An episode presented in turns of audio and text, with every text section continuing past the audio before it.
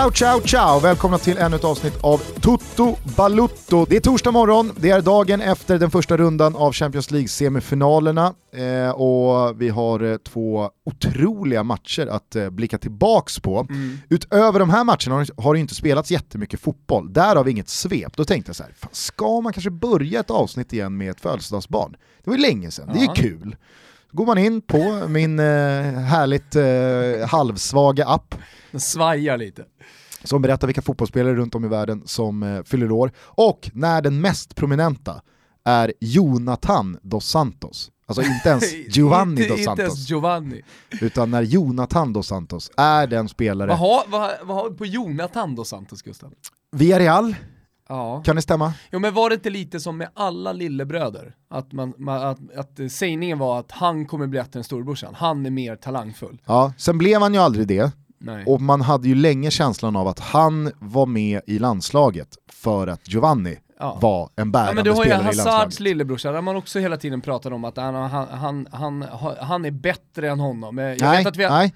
Torgan som är Ja. den äldsta lillebrodern, ja. Han har man ju aldrig riktigt pratat om att han är den större talangen, utan det finns ju en till lillebrorsa. Det är han man Det pratar är alltid om. det minsta minsta lillebrorsan. Jag minns när man pratade väldigt mycket om Peter Nylander, när Micke Nylander bara flög så sa jo, jo men nerifrån kommer alltså, en ännu större hockeyspelare. Mm. Det är väl så man säger nu om Williams lillebrorsa. Ah, Alexander ja, Exakt. där har du, ja precis, där har du. Och vi tar hela, hela Nylander-spåret och jag tror... Och då är väl ändå William Nylander typ king shit i Toronto och alltså, på- om eh, tror- han var väl MVP i eh, Sveriges, eh, alltså i Tre Kronor som vann VM-guld i fjol. Ja, man får, om man får tro på superproducent John Witt som gnuggar NHL nätterna i ända. Tungt han hade det i natt. Toronto åkte ju i Game 7. Gjorde de? Var det kanske tack vare, ja, tack vare William Nylanders svaga spel då? Han gjorde mål. Eh, Han gjorde det? Ja, ja. Alexander Nylander, hur som helst, där vet man, det är ju kört.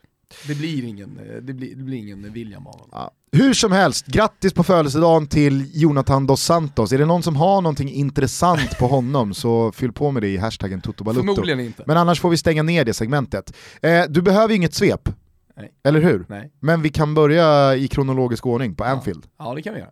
Helvete.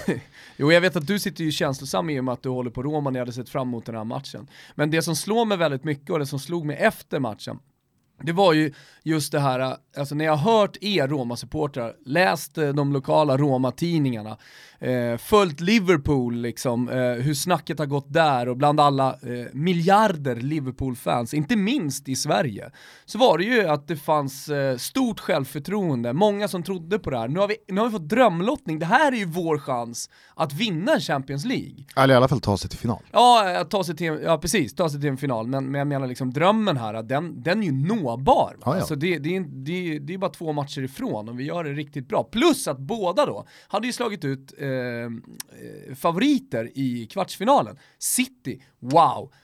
Liverpool gjorde toppmatcher. Roma, som eh, kommer uppumpade som bara helvete efter att ha slagit ut och vänt ett omöjligt underläge mot eh, Barcelona. Ja men det är klart att de kommer göra en bra match. Så när jag satt och liksom vred och vände på odds och förutsättningar inför matchen så kände jag bara så här, fan det här är öppet, det här kan gå, det här kan gå hur som helst. Och sen så får vi den där, de där första 25 minuterna där, jag vet, jag fick ju ett sms av dig efter 25, liksom, fan det här är ju slakt alltså. Vi, vi, vi är ju så jävla bra. Det var också startskottet på eh, Liverpools, låt oss säga spelmässiga vändning som också sen blev en result- resultatmässig slakt. Alltså hur mycket gameplan det var från Jürgen Klopp att inledningsvis dra tillbaka laget för att locka upp Roma kontra att ifall det var Di Francescos liksom, gameplan att gå högt, ställ er på halva plan. Det låter jag vara osagt, för det, det, det vet jag inte. Men det man kan konstatera är ju att när Liverpool börjar utnyttja att det finns en helt ledig planhalva att kontra på mot två ganska tröga mittbackar av tre. Alltså, eh, det, det är inte första och andra eh, avslutet som går i mål. Och liksom Nej, det är pang alltså Mané- shit. Mané, Mané Ma- hade ju tre lägen Exakt, innan. och att då inte förstå att vi lever jävligt farligt nu. Vi lever jävligt farligt Gubbar, genom gubbar, att stå gubbar. så här högt. Flytta ner fem. Precis. Då, det, det, alltså det var sånt jävla haveri. Nej, eh, det är som du säger, för han fick ju livlina på livlina Ja. där. Eller han, om, man, om man nu tog livlina på livlina, men, men eh, eftersom, eftersom Mané missade så mycket, och man märkte också, nu har de kommit ut till vänster, och det är Mané som har skjutit, då visst, snart kommer ju Salah mot Johan Jesus. Och så var det en våt plan också, det tänkte jag väldigt mycket på när, när Mané började liksom kuta ifrån eh, mittbackarna. Tänkte bara, när, när han viker in, eftersom han kan vika in på en torr plan mot en snabb spelare, hur fan kommer det då se ut mot, ja, typ Johan Jesus? Nej, men och sen så, på tal om att vara uppumpad, det var ju inte jätteförvånande att det här avgörande målet mot Barcelona skulle stiga Kostas Manolas åt huvudet. Alltså, han, han, han var ju för eh, han var ju för adrenalinstinn. Ja. Han tänker att här kommer jag, kejsaren av Rom. Ja. Jag är ett jävla marmorblock från Grekland. Han blev i- Mexes. Alltså det, var- det, var, det var smärtsamt att se, men han, han har ju i alla fall kvaliteter som gör att så illa är det inte hela tiden. Juan Jesus är ju en fotbollsspelare och en mittback där det finns inget slut. Det finns ingen, det finns ingen lägsta nivå. Den pressas hela tiden neråt. Och när både 1-0 kommer, 2-0 kommer, att gå ut då till den andra halvleken och fortsätta, alltså när du till och med får en kvarts paus, att inse, vänta här nu, det här är bara en halvlek av fyra som är spelade och det står inom citationstecken bara 2-0.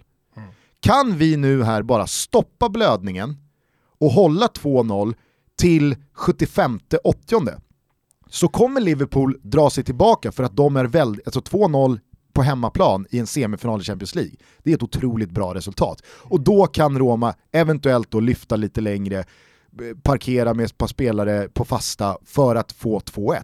Men herregud, det har gått 45 minuter av totalt 180 och man ligger under med, med 2-0. Det är inte kört, det är inte över, det är inte godnatt.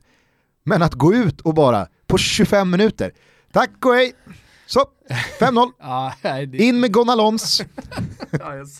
Alltså det, det, det, det, är, det är sånt jävla haveri så att det är helt otroligt. Ja. Sen de här två målen som Dzeko och Perotti sen gör sista tio, jag vet inte vad man ska känna kring dem.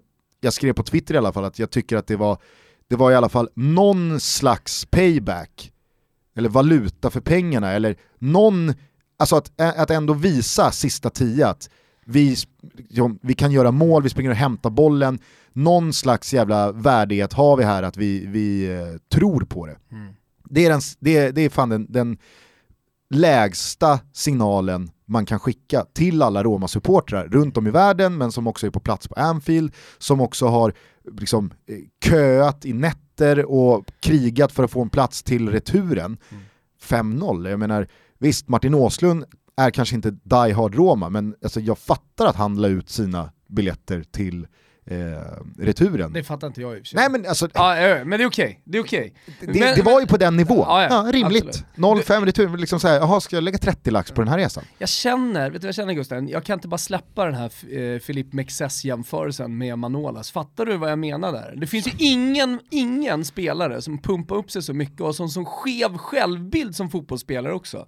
För han, han tyckte att han var bäst i världen hela tiden. Jag kommer ihåg i slutet, Milan-tiden, för övrigt en, en, ett märkligt avslut på en karriär. Han, det flög ju liksom förbi. Det vart ju ingenting efter eh, Milan, vart ju inget Kina, USA eller någonting sånt. Nej. Utan det, det tog ju bara stopp där 2016 eller vad det var va.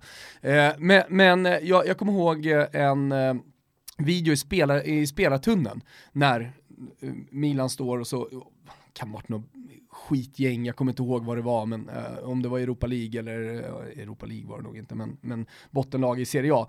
Där han bara står, är en sån jävla idiot. Och, eh, och liksom de här jävla skitspelarna, de, de eh, har inte en suck mot oss. Bara, Kom igen, vi är Milan liksom. Och han är, så- du vet, med hela hans uppenbarelse, kaxiga uppenbarelse också. Och Milan som var klappkassa. Det är såhär, fan lugn. Eh, och, eh, när, det var den bilden av honom i spelartunnan som jag kom att tänka på. Ja. Det finns ju en del fotbollsspelare med, med skev självbild. Liksom. Du var aldrig bäst i världen med XS. Det var ju ett tag som jag kände Problemet att Simon alltså- Kjär var på väg att bli eh, eh, med XS, men sen så insåg jag att det var, det var nog bara för att de var liksom blonda och lite, Ja. lite Vet du vad jag tänkte säga? såg lite halvhårda ut. Vet du vad jag tänkte? Nej. Jag tänkte ja, båda var danskar. Det ju inte varit konstigt. Nej men Något Mexes jävla har, Mexes har ingenting med Danmark att göra. Men Men, men pro- ja. jag får bara säga det kring Mexes. Problemet med hans självbild och hans ego och hans liksom, eh, attityd attityd. var ju att han en gång per säsong gjorde ett mål som inte ska gå att göra. Ja. Alltså Han det var ju bicicletas Bissan, ja. och han tog frisparker och han saxsparkade in någon volley och Alltså det, det var så här, fan, nej. Och så matchen efter, ja men då, Rött då kort. ja, rött kort för att han nöp någon i nacken eller något. Ja, eller bara liksom så här. äh, här kommer tre, jag går upp och stöter. Ja. I got this. Ja. Och så går han upp stöter, hamnar fel, drar någon i tröjan, rött kort, laget förlorar. Och sen så vet man att han sitter ju ändå och tänker på förra matchen, när han cyklade in då. Ja. Så mittbackar som stöter och missar, det är det mest irriterande om man, om man sitter och håller på det laget. Det andra jag tänkte på när vi pratar om de första 25 minuterna, det är just de första 25 minuterna generellt sett i matcher. Eh, man sitter ju ofta och så skapar man sig en, eh, en tro på att så här, nu kommer matchen bli så här.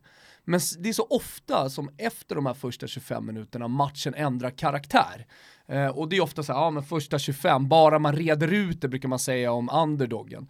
Eh, och och det, det, det stämmer ofta, de tunga lagen, de klarar ändå. Men, men väldigt ofta så, så, så handlar det om liksom underdogen ska reda ut första 25. Men i den här matchen, då var det ju verkligen så att den ändrade karaktär. Och jag tycker att det, det är jävligt ofta det händer.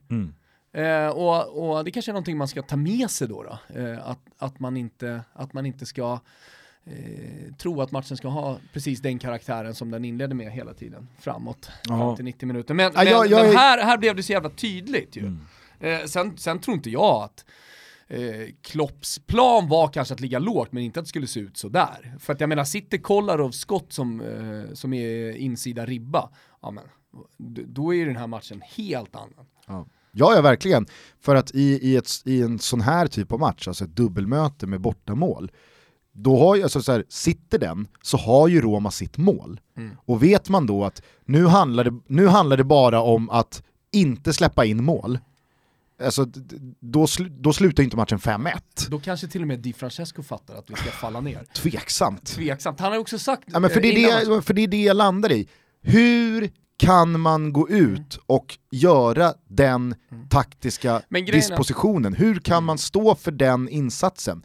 Det är hål i huvudet, är, alltså, alla har visste ju det. har man sett, har man följt eh, Di Francesco, som jag tror inte alla våra lyssnare känner till, eh, så har det sett ut så här under hela hans tränarkarriär. Alltså, han, han, har, han har kört på ett sätt och han, han eh, har ganska få taktiska dispositioner i, i fickorna att liksom plocka fram. Eh, Jag tycker inte att han är världens bästa matchcoach, eh, världens bästa matchcoach, men jag tycker inte att han är en bra, jag tycker inte att han är en bra matchcoach heller sen tidigare. Eh, men jag skrev det i min krönika också, alltså här har vi Jürgen Klopp på ena sidan. Det var mötet för mig. Eh, det var ovisst, Roma hade form, de hade självförtroende. Så precis som vi sa, Liverpool eh, såklart eh, favorit i det här mötet. Men det kändes ändå he- ganska öppet som dubbelmöte. När, det, när jag landade i någonting, vilka går vidare från där, då landade jag i Klopp vs Di Francesco. Och han har redan varit i en Champions League-final. Eh, Jürgen Klopp eh, har redan vunnit ligatitlar. Eh, han har varit i de här situationerna tidigare. Och jag tror att det handlar om eh, oerfarenhet från Di Francescos sida. Kanske också lite, eller kanske, men säkerligen också eh, att han är naiv då i, eh, i sin matchcoachning. Alltså, precis som du säger. Jag kommer ihåg när han var i Sassuolo, då kunde det liksom bara flyga, de kunde vinna, du vet som han gjorde mot Barcelona. Han fick ut maximalt av tal- talangen som fanns i, i laget. Bara för att matchen efter då förlorade mot ett betydligt sämre lag. Och där allting rämnade och det kändes bara som att, vad fan är det här för lag jag, jag såg nu? Och det finns ju ett par matcher som går att blicka tillbaka på under den här säsongen, inte minst då i Champions League. Så ta första mötet mot Shakhtar på bortaplan för Roma i åttondelen. Där går Roma ut och gör en jättebra första halvlek, leder med 1-0 i paus. 45 minuter senare så sitter man och är jävligt glad att det inte blev mer än 2-1 Shakhtar. Alltså, det, det var sån genomklappning och det fanns så många givna, enkla, taktiska dispositioner att göra i 53 minuten mm. när man ser att wow, okej, okay, nu har det här hänt. Nu får vi agera på det här sättet. Men han lät det bara Mm. Nej, det, är bara, det, är bara kors, det är bara korsa eh, händerna eller fingrarna eller skvätta heligt vatten på dojorna eller vad fan det är nu de gör, mm. de där italienarna. Eh, och hoppas bara Ta att... Ta sig på pungen va? Ta sig i skrevet kanske man ska säga. Trapattoni hade ju med sig heligt vatten ja. från någonstans, var är han ifrån? Trapattoni? Ja. Han är väl, jag vet fan alltså. Ja men kommer du ihåg i eh, VM 2002? När eh, Italien är i ett pressat läge, Totti får frispark och eh, hela bänken liksom sitter och hoppas på att Totti ska dra in den. Då drar Giovanni Trapattoni fram ur innerfickan vad som ser ut typ som en, ett cigarrfodral men det är egentligen en liten, liten termos med heligt vatten från sin hemby i Italien. Som han då skruvar av locket på och skvätter på sina skor och på marken.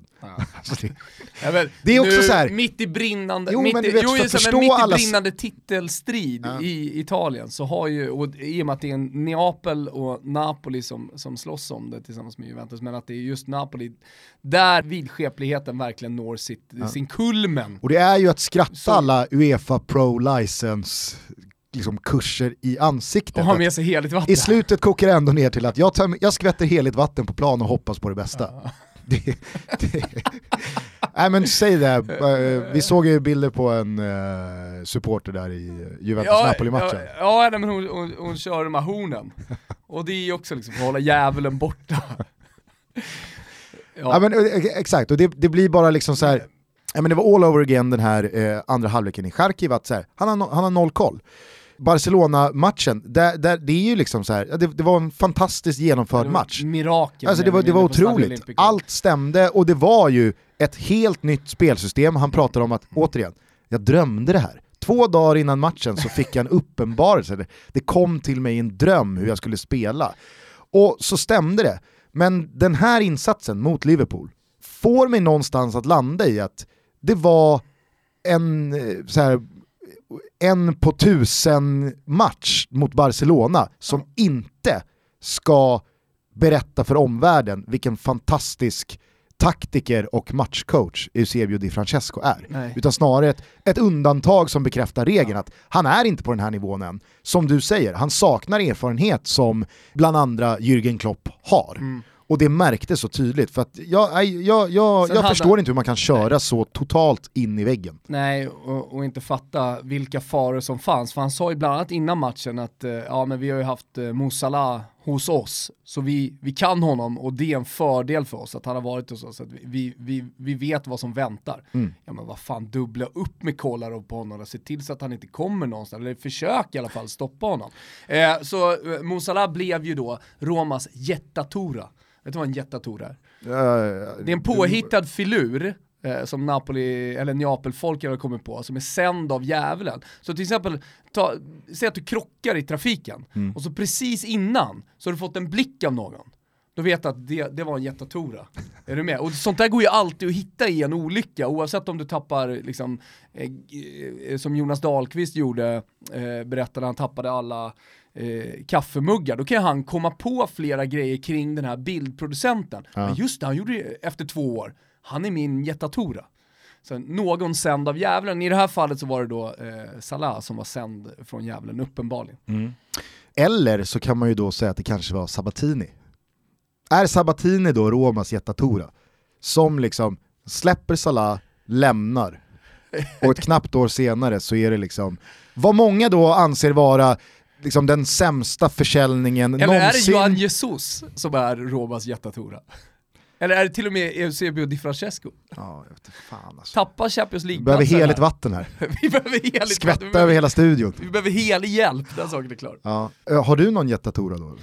Ja, men det, när jag läste det, första gången jag läste om det var nere, nere i Italien när jag gick någon språkkurs tidigt och så blev jag fascinerad av det. Så då gick jag ju ofta liksom och, och letade, jag är lite vidskeplig av mig själv, har alltid varit så jag var liten, tror på karma och sånt där. Så att eh, jag, jag, jag, har det stunder men ingenting som följer med mig som för Neapelborna, att jag hela tiden går och letar efter jättatorer. Du, vet du varför jag blev så provocerad av den här taktiska insatsen. Nej. Insats, det är fan magstarkt att kalla det insats. Det var, det var, det var en taktiskt alibi. Vi, vi, vi försöker göra vi låtsas ja. delta i den här matchen. Framförallt så var det ett taktiskt fiasko. Nej, men, ja, och det är ju matcherna Liverpool har spelat den här säsongen mot Manchester City. I början av säsongen, vad händer när Pep Guardiola ska möta Liverpool? Det uppsnackade, upphåsade eh, Liverpool. Jo, han lurar ju upp Jürgen Klopp på läktaren genom att då inte spela Manchester City-fotboll, att parkera laget på offensiv planhalva och låta då Liverpool ha omställningslägena och öppna ytor bakom sig. Utan han ger bollen till Liverpool. Ta bollen ni, så spelar vi lite tillbakadraget och på kontring. Alltså Liverpool, det, det, är ju deras sämsta insats hela säsongen. Sen vet jag också att Mané blir utvisad och det är inte Visst, så lätt att spela absolut. med tio man mot Men man måste City. också kunna dra men, slutsatser. Men fram till dess så är det liksom så här, Liverpool har bollen och vet knappt vad de ska göra mer. För, vänta, det här trodde inte, vi skulle ju ligga på kontring och på rulle och ha 40 meter bakom eh, backlinjen och jobba med. City vinner med 5-0. Vad händer sen nästa gång de möts i januari? Ja men då ska ju såklart Pep Guardiola Eh, han ska ju göra om den här taktiska triumfen. Tillbaka med laget, låt Liverpool ha boll. Men vad, gör, vad har Klopp då lärt sig av första mötet? Jo men då går vi som jävla eh, bålgetingar, hela laget, på City. Alltså det är gegenpressing eh, Dortmund 2014, 13 mm. igen. Och det var ju inte City beredda på, för då var det så här, vänta nu, nu kommer det åtta jävla röda dårar här. Mm. Vi trodde att de skulle ta bollen och ha ett etablerat anfallsspel på mittplan. Så då var det ju Klopp som hade liksom, vad gick fel i första matchen när vi möttes? Hur lyckades han utmanövrera oss? Nu får jag dra mitt motdrag. Och när man sen möts i de här Champions League-semifinalerna, ja men då var det ju återigen liksom så här, då var det lite 1-1. Vem ska göra nästa drag? Och då är det ju eh, Jürgen Klopp som har krypit under Pep Guardiolas skinn som gör att han måste ändra i formation och ska spela ett mm. spel som inte de riktigt behärskar. Så att Klopp har ju hela tiden visat att jag kan identifiera vad jag ska göra åt de som försöker straffa oss, men det går att straffa Liverpool mm. om man bara gör det rätt att Di Francesco inte förstår, äh, äh, ja. det, det, är... Får se hur det blir i, i returen här, vad, vad, han drömmer då om man har hittat något heligt vatten eh, och vem som egentligen är eh, Romas jättatora. Men från ena matchen till den andra. Nej men, innan, jag... nej, men innan, vi, innan vi kommer till, jag har, jag har två saker till jag vill säga. Ja, På tal då om returen i det här mötet. Är du arg, upprörd eh, eller nej, besviken? Tror, nej, men det, det var så här, som jag sa, jag, jag snackade med en, en polare igår, jag tror att man hade känt eh, mer liksom eh, tyngd om man hade jag vet inte, haft jättebra lägen att göra mål, Liverpool gör något slags så här, halvflaxmål till 1-0 och sen i 89 kommer 2-0 mm. i en match som kanske skulle slutat 1-1 eller 0-0. Alltså, då, då lämnas man med en, med en liksom, nu... jobbigare känsla för att man blir mer frustrerad. Ja, men, det här var ju bara... besvikelse. Det här var ju, ja. det här var ju liksom, sen så kan jag sitta och, jag menar jag mästade ju det, alltså, Dzeko ska ju ha frispark innan Salas 1-0. Det, jag tycker den är solklar. Nej, det är offside på 3-0, det ah, pratar ingen om. Men liksom så här, jag hör också hur det låter, jag kan inte sitta och greppa efter bortförklaringar eller halmstrån att tänk om. Och... Nej det kan du faktiskt inte. Det skulle möjligtvis vara, tänk om Kolarovs må, äh, skott hade gått in. Men som Alexander Axén har lärt oss, den gjorde inte det. Nej, Skottet det var inte tillräckligt bra. Kryll Nordins eh, ribbträff från 40 meter borta mot Barcelona, sen blev det väl 4-0 till Barca. Tänk om den hade suttit! Ja. Ja. Det går inte att säga tänk om, sen ska man tycka eh, vad man vill om vissa domslut eller icke-domslut. Skitsamma, det var en förnedring. Liverpool körde över Roma och vid 5-0 så kände jag helt ärligt, blås av, ja. för det här kommer bli 8. Mm. Alltså sluta nu bara. Den här, den här Sätt kulan i nacken på det här lidande rådjuret. För att det här går inte längre. Så det var, det var ju mest bara jobbigt.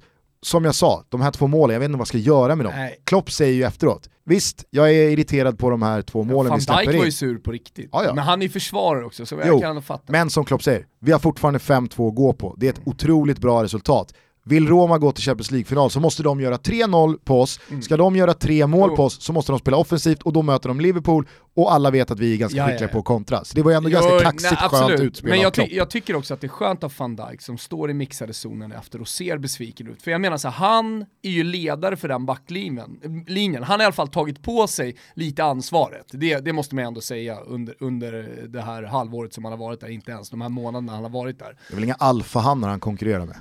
Det är sannerligen inte. Hur som helst, eh, och, och jag menar då svek ju han lite sina offensiva spelare. De gjorde jobbet, men vi släppte in två mål. Då blir ju backlinjen blir ju underkänd på ett sätt då, slippa, släppa in två på, på, även om det inte var hans fel, eh, målen så. Så eh, tycker jag ändå att det är uppfriskande att se eh, en mittback som trots då eh, 5-2 eh, är besviken och säger det och ser verkligen, alltså ja, han var genuint besviken i intervjun. Eh, hade du en sista grej, för det får fan vara en sista grej. På Ja, jag har såklart sparat det till sist. Du kan ju bara tänka dig vad som eh, rasslade in i inkorgen och i mina mentions när då Salah gör 1-0, Chippar in Klassavslut. ja, klassavslut. han gör 2-0, Klass. klassavslut. Ja. Alltså det var ju, eh, det var ju en mentions-fest. Ja. Det var ju notifications eh, all time high liksom. Pick, pick, pick, pick, pick, pick. Och alltså så här, jag kommer här nu eh, ta mig hatten. Oh fan. Jag kommer eh, ha mössan i handen. Jag kommer inte backa från vad jag sa vid tillfället jag sa det. Jag kommer heller inte backa från att jag har haft fog för och står för mina åsikter tidigare. Men nu är jag eh, absolut beredd att säga, jag tycker att Båten sjönk. båten sjönk. Ja, Ja. den ligger på botten. Ja, ja, får man säga.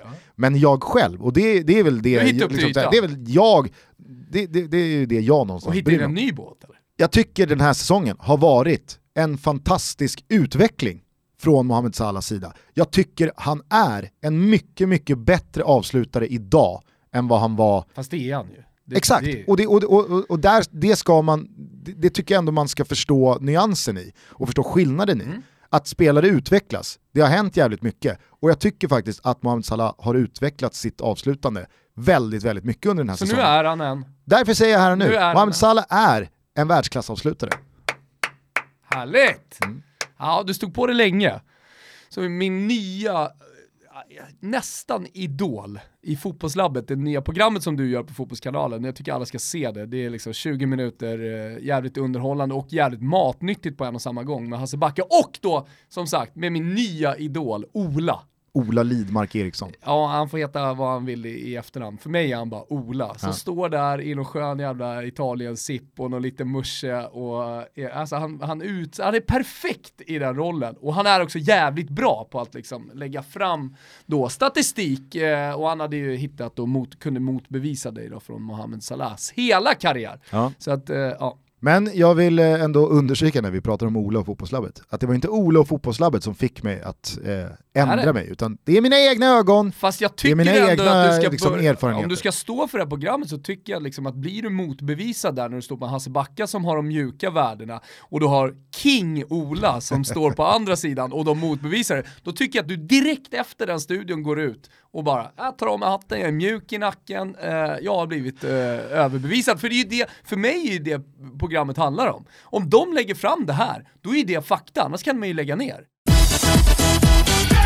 Vi är sponsrade av Academic Work och detta gör oss återigen väldigt glada. Mm, ja, det är härligt. Eh, Jag gillar framgångsrika företag och det här osar ju framgång om Academic Work som nu har satt upp skyhöga mål för framtiden och ska anställa account managers på 11 platser, alltså 11 städer runt om i Sverige. Från Luleå i norr ner till Malmö i söder, eller hur Gusten? Yes, och rekryteringsperioden är öppen. Starten för de här rollerna är i augusti. Och ni som har lyssnat på Toto Balutto här nu senaste månaden ungefär vet ju att Academic Work verkligen har eh, målat upp bilden, dels av sig själva men också av dig som de söker. Ja men sig själva som vi sa inledningsvis också, det, det är ett framgångsrikt företag. Men de sätter sig inte bara ner och är nöjda över hur det ser ut, utan de blickar såklart mot framtiden och nya framgångar, större framgångar. För att nå dit så behöver de just dig som är vad då? Jo, en vinnarskalle i grunden har vi förstått, eller hur Gustav? Yes. Man behöver heller inte ha någon specifik utbildning utan det viktiga när man söker den här rollen hos Academic Work är personlighet. Man ska vara driven, man ska vara ambitiös och man ska gilla att hela tiden nå framgång och att utvecklas. Det gör ju ingenting om man då tidigare har varit aktiv inom idrotten. Man kan ha varit elitspelare som många av, eller elitutövare av idrott eh, som många av deras redan befintliga account managers är. Men som sagt, det är någonting som de testar i rekryteringsprocessen. Gillar man dessutom att eh, kunna lägga upp lite sin egen arbetsdag, sin egen arbetsvecka och dessutom bli belönad för sitt egna arbete. Det låter ju som någonting de flesta borde uppskatta och Jo, gilla. absolut, absolut, men så är det inte alltid. Nej, men är man en sån person, då är ju Academic Works eh, trygga famn platsen för dig. Ja, nej, men verkligen. Eh, I och med att eh, du bygger upp eh, från scratch då, dina egna kunder, du börjar jobba lite som ditt eget företag. Och det vet jag, det är många som drömmer om. Många säger att ah, men någon dag ska jag ha mitt egna företag. Här har du lite som det på Academic Work, men väldigt trevliga eh, lagkamrater eh, och eh, medarbetare runt dig. Och en sak som är viktig här Gustav, som sista som jag vill verkligen trycka på, det är att provisionen finns det inget tak på. Så du kan tjäna en massa deg. No limit. No limit.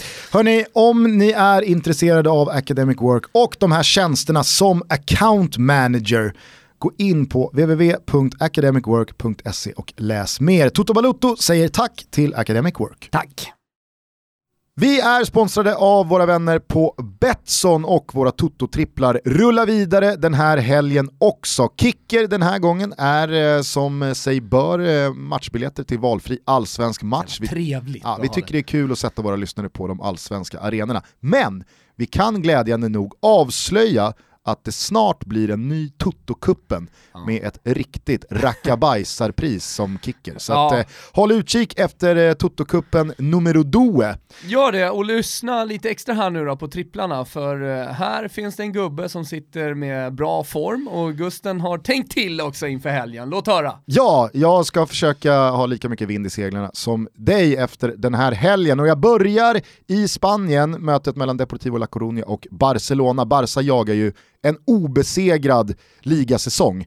Och man får väl säga att eh, Deportivo med Clarence Seedorf vid rodret ska vara en munsbit. Jag trodde du skulle säga att du hade plus handikapp på Cedor. Nej, verkligen inte. Jag tror att eh, Barca vinner med två mål. Ja. Eh, sen så tror jag att eh, det blir över 3,5 mål i matchen mellan West Ham och Manchester City. Trots att West Ham inte har tagit så många poäng på slutet så har ju de andra lagen inte heller gjort det. Så att West Ham är mer eller mindre safe, således så kan man nog spela ut lite. Och Manchester City, ja, vad behöver man säga mer om Manchester City? Pep kommer mönstra ett lag som bara vill göra så många mål som möjligt. Över 3,5. Jag sänker linan med ett mål i matchen mellan Torino och Lazio, tror på över 2,5. Torino har inte heller så mycket att spela för, men en bra offensiv. Kommer säkert göra mål. Lazio vet alla vad de går för, både framåt och bakåt. Och de har ju verkligen allt att spela för i och med att de jagar en Champions. League-plats. Så det är min trippel. Eh, Min trippel enkom i Italien då, Benevento, de spelar för ära och heder inför sina uh, hemmasupportrar och har lovat dyrt och heligt att man ska göra en toppmatch mot Udinese, som har sparkat tränare. In kommer Igo Tudor, den gamla mittbacken i Juventus, Eh, och ingen vet hur fan det ska gå. Udinese, ruggigt svag form, in med Igor Tudor, Nja, Alltså ruggigt svag form, det är väl 10-11 raka torsk nu. Ja, det var en, eh, det är ett understatement.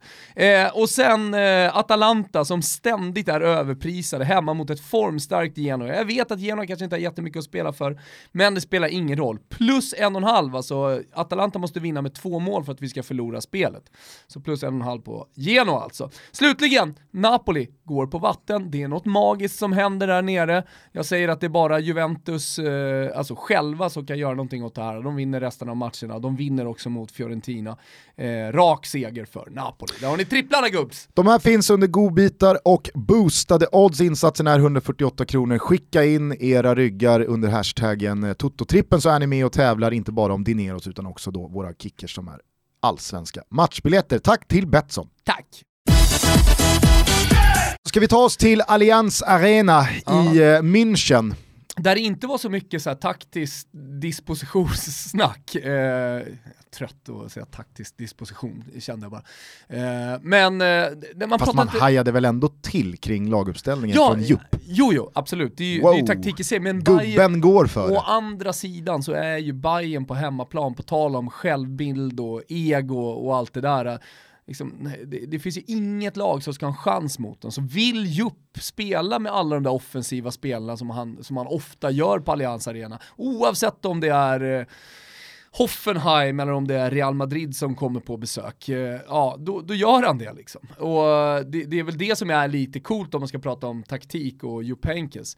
Eh, sen så fick han ju inte, han fick inte utdelning. Alltså, jag menar, han har ju miljarder Fast fick han chanser. inte det då?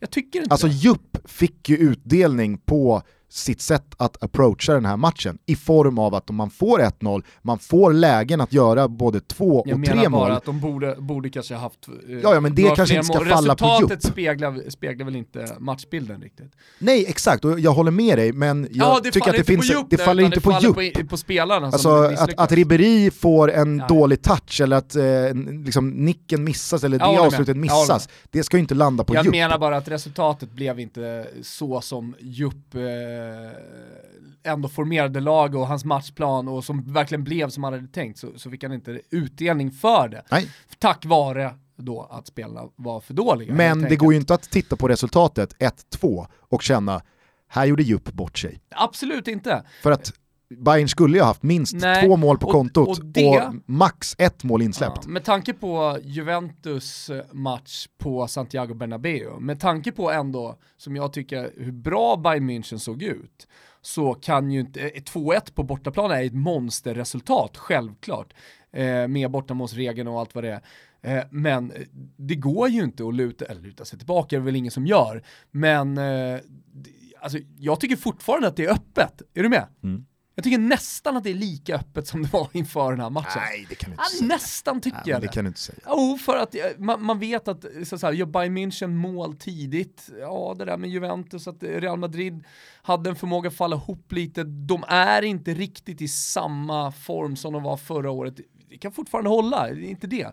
Men jag tycker att det är, ja, jag tycker fan att det är lika öppet. Ja, det, det känns som... Jag skiter i det där resultatet, Daniel Olenklint, alltså. eh, Daniel Olenklint eh, han, Ja. han, han hatar ju dig just nu. Jo, jag vet. Och, Vår eh, gode vän som har gammal odds. Oddsen är fan de samma som innan den här matchen. Kanske det sämsta du har sagt enligt Daniel ja, Olenklint. ja, ja, ja, enligt Daniel Olenklint är det sämsta jag sagt någonsin. Du tappar all cred.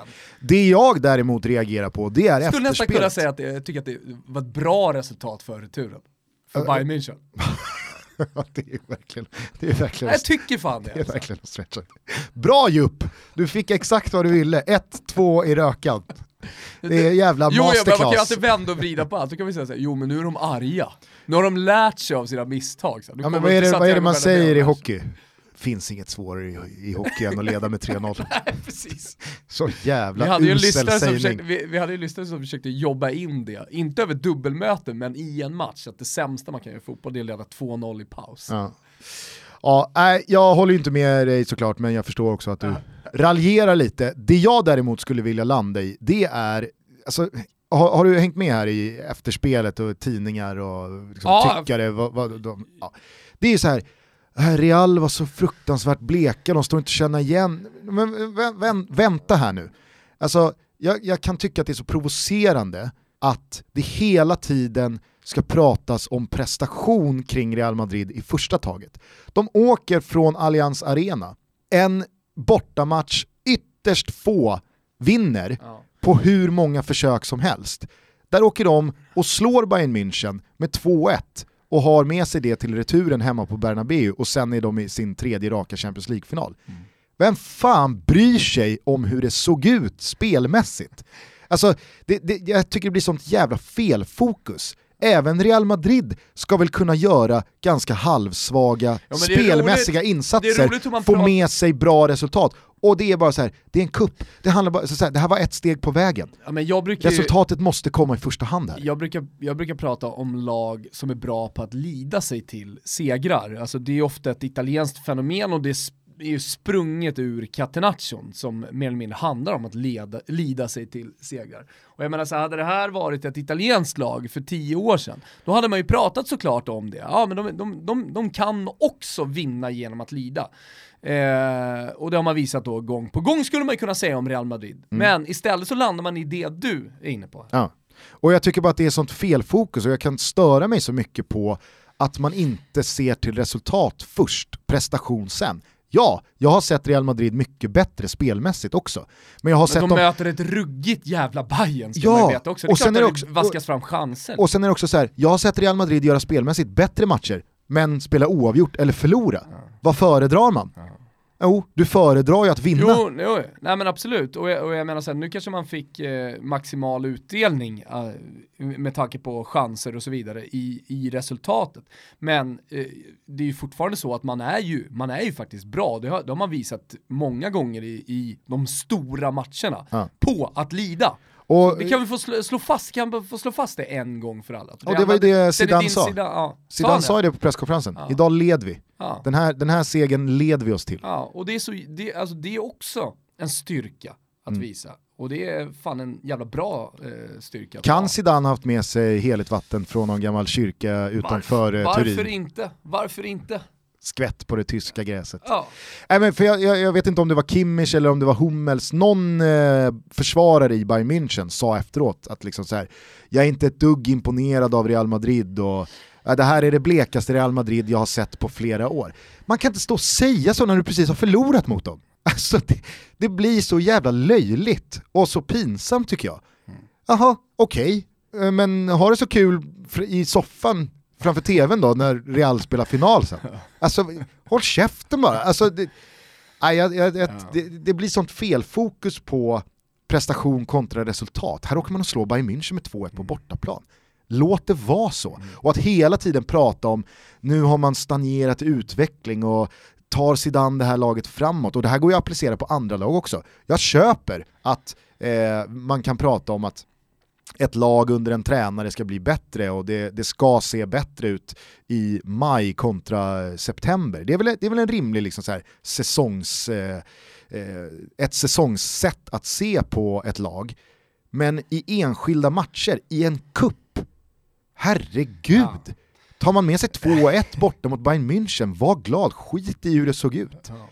Nej, jag, jag, jag, fattar faktiskt inte hur man kan fokusera på det. Sköna returer, hur som helst. Eh, vi eh, ska avsluta Toto Balutto för den här torsdagen, Gusten. Ett sista budskap då, vi har släppt våran VM-kollektion som ni såklart eh, har märkt. Det är den gula hemmatröjan som man har på sig under VM när Sverige spelar sina matcher. Man har också den mörkblå eh, borta tishan som det står Toto Balotto på. Och sen så då hoodien som man myser runt med, eh, kanske på midsommaraftonskvällen när det svalnar lite och så går man in och hämtar den, lånar ut till sin respektive eller sätter på sig själv.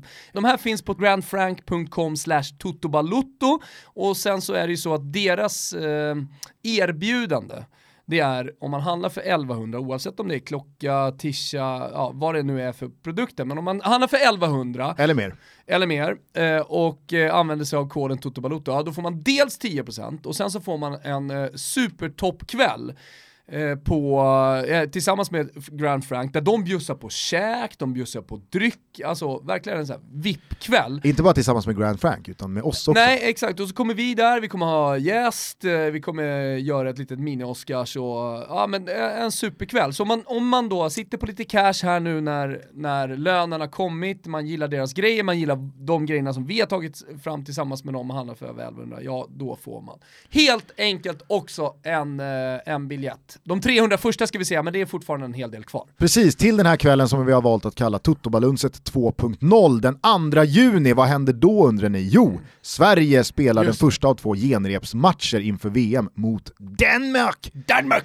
Eh, får vi se om Filip Mexes dyker upp i backlinjen bredvid Kjär där. Ja, Föga troligt. Aldrig, man ska aldrig säga aldrig, men, men... Vi kan väl också avslöja, eller avslöja, vi kan väl bara säga då att mindre än 24 timmar har vår kollektion legat ute och redan är över hälften borta. Mm. Så att eh, ja, vila får... inte på hanen nej, nej, och, och sörj sen, utan mm. agera. Vi, tar, vi kommer förmodligen inte ta in fler, eh, så att eh, om man vill ha så får man helt enkelt rycka nu.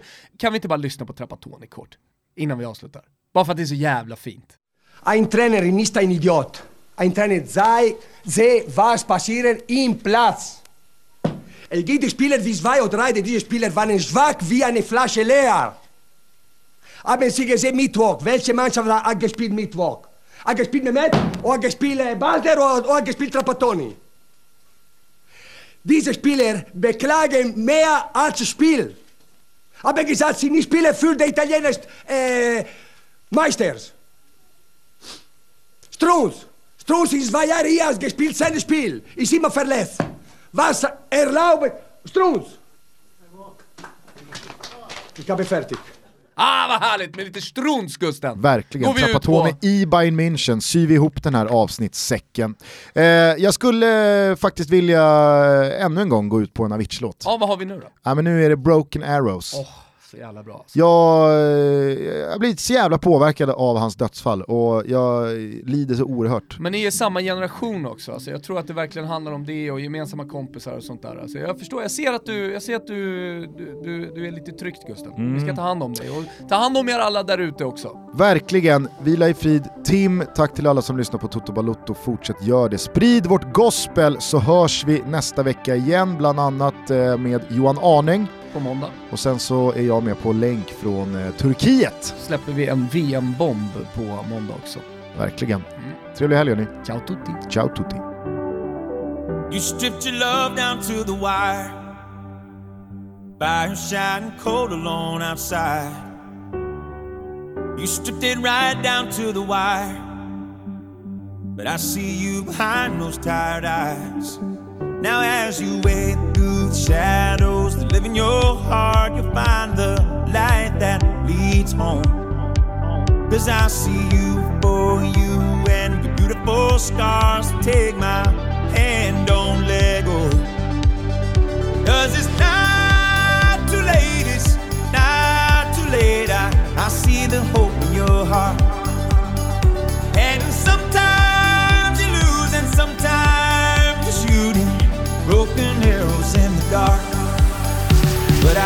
I, see the hope in your heart.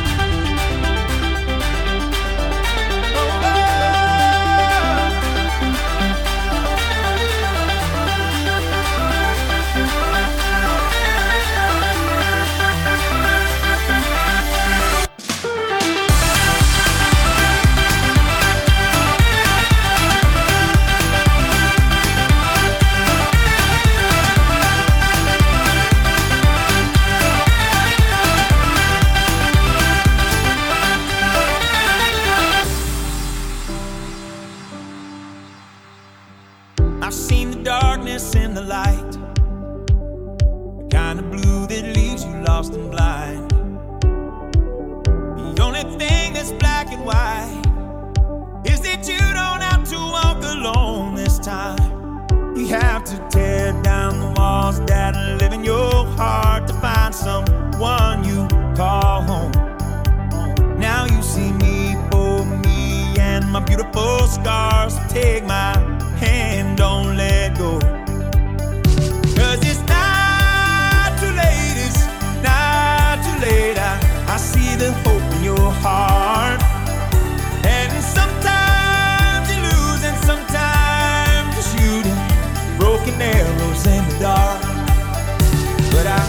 see the hope in your heart.